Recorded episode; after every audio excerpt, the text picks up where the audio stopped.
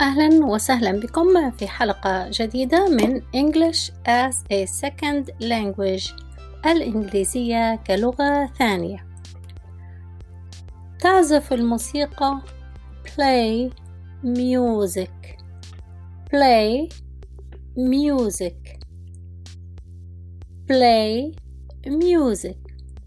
كلمة play هي يعني يلعب وتستخدم أيضا للعزف. هل تعزف الموسيقى وقلنا هنا ضمير المخاطب هو نفسه للمفرد والمثنى والجمع فهو نفس السؤال Do you play music? Do you play music? Do you play music? Do you play music? نعم أنا أعزف الموسيقى. Yes, I play music. Yes, I play music. Yes, I play music. Yes, I play music. ماذا تعزف؟ What do you play?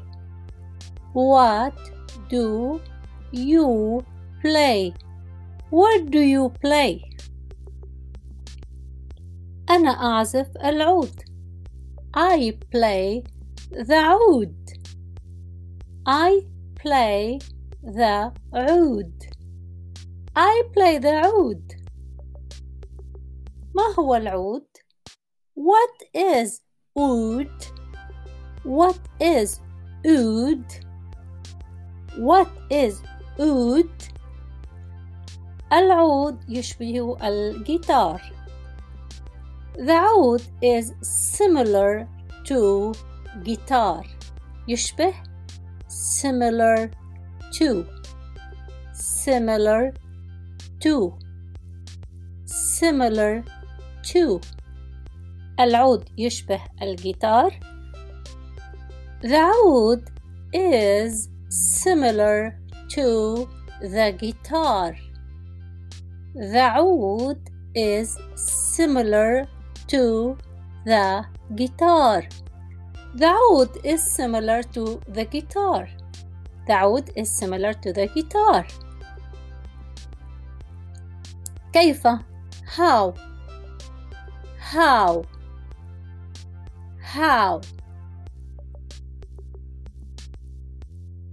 كلاهما فيهما أوتار كلاهما فيهما أوتار both of them both of them كلاهما both of them both of them both of them فيهما أو يحتويان نقول both have both have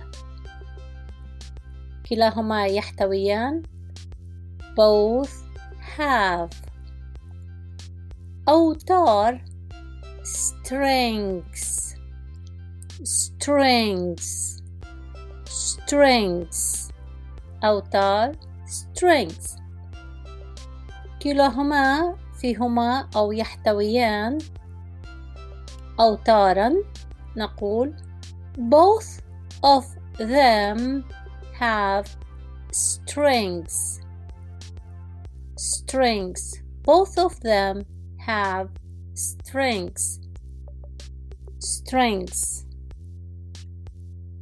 فإذا المحادثة الآن بالإنجليزية فقط وأرجو أن تكونوا قادرين على فهم كل هذه المحادثة فقط بالإنجليزية استمعوا Do you play music?